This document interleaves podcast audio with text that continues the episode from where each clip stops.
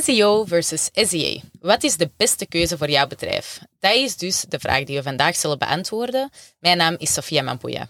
En ik ben Boris Ketels en je luistert naar de Linslot Marketing Podcast.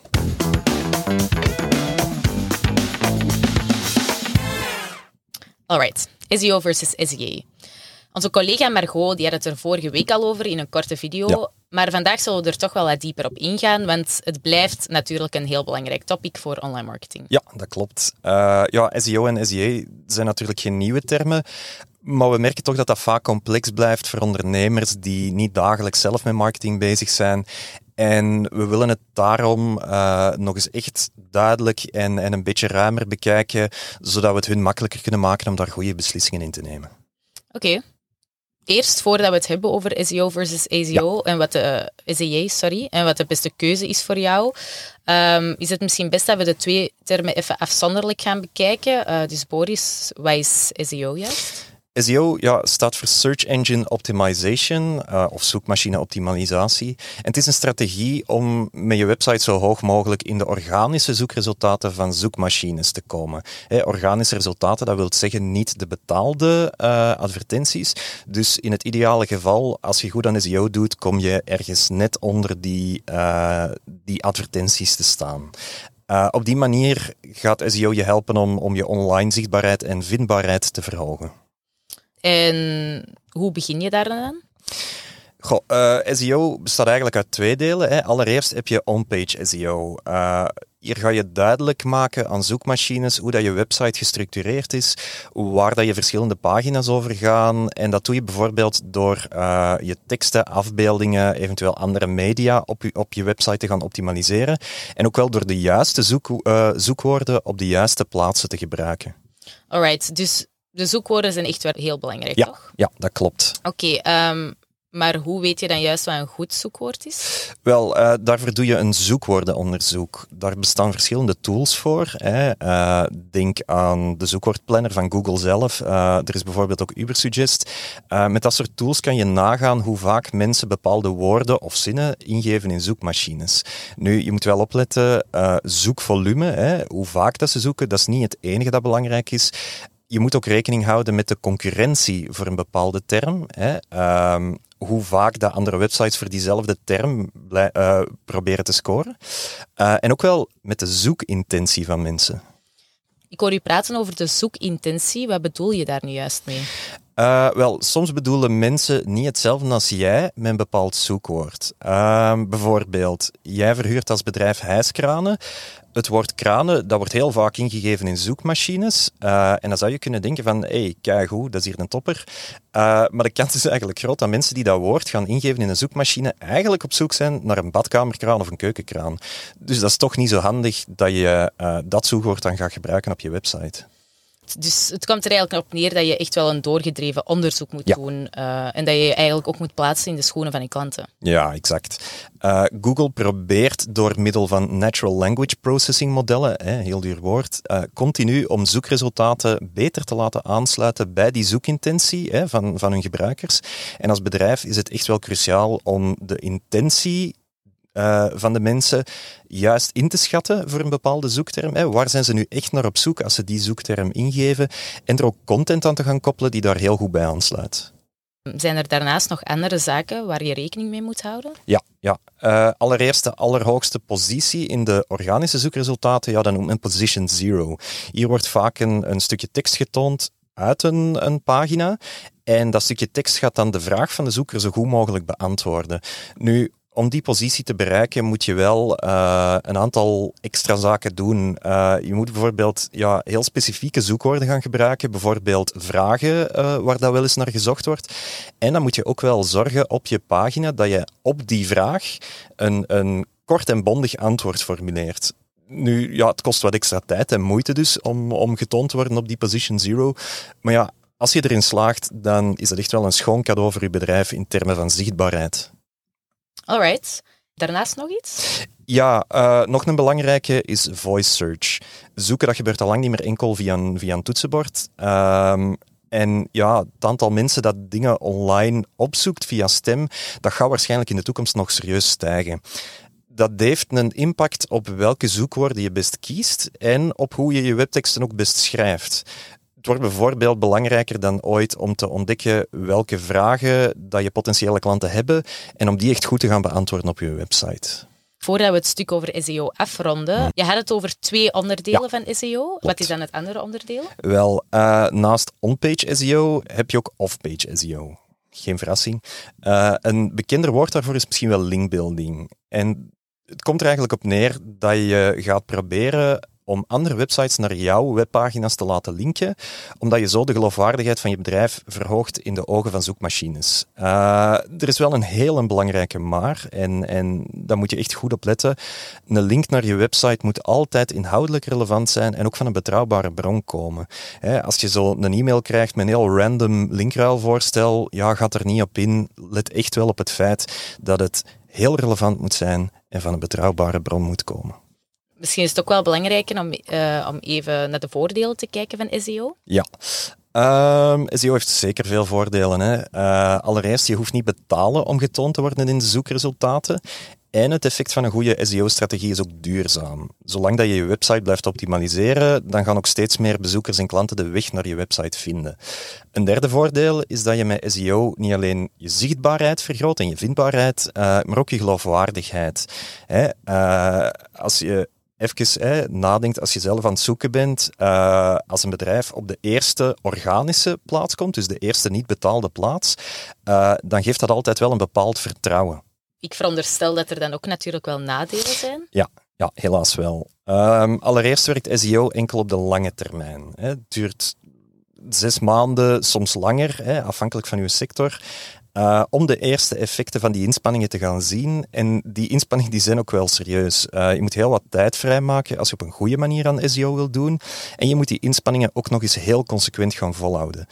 Bovendien is er geen garantie dat je voor elk zoekwoord waar je het probeert ook de eerste pagina van Google kunt bereiken. Dus het is echt wel belangrijk om goed te gaan nadenken over een slimme SEO-strategie uh, om je kans op slagen echt zo groot mogelijk te maken. Voilà.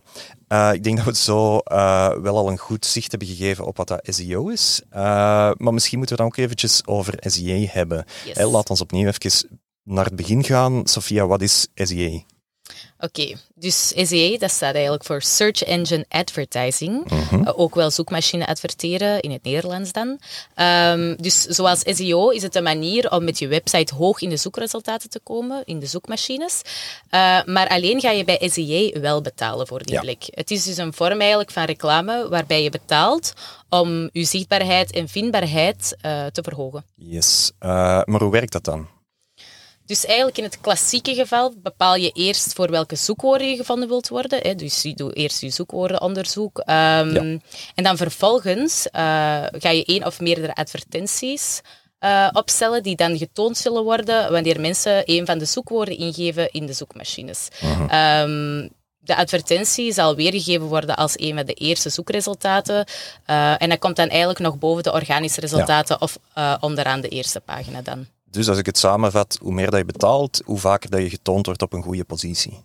Ja, dat is ongeveer juist. Uh, maar er zijn natuurlijk wel andere factoren die invloed hebben op mm -hmm. de kostprijs van je advertentie. Um, de inhoud van de landingspagina, waar dat eigenlijk de advertentie naartoe gaat als je verder klikt. Ja. Um, het is eigenlijk heel belangrijk dat die goed aansluit bij de zoekopdracht. En dat kan bij, bijvoorbeeld ook de prijs beïnvloeden die je betaalt op de kliks op je advertentie. Ja. Het is dus nog steeds uh, heel belangrijk om een goede landingpage te hebben. Um, en dan score je ook beter in SEA. En dan, dan is het misschien ook wel belangrijk om te zeggen hè, dat je altijd moet zorgen voor een, uh, een goede gebruikservaring op je website.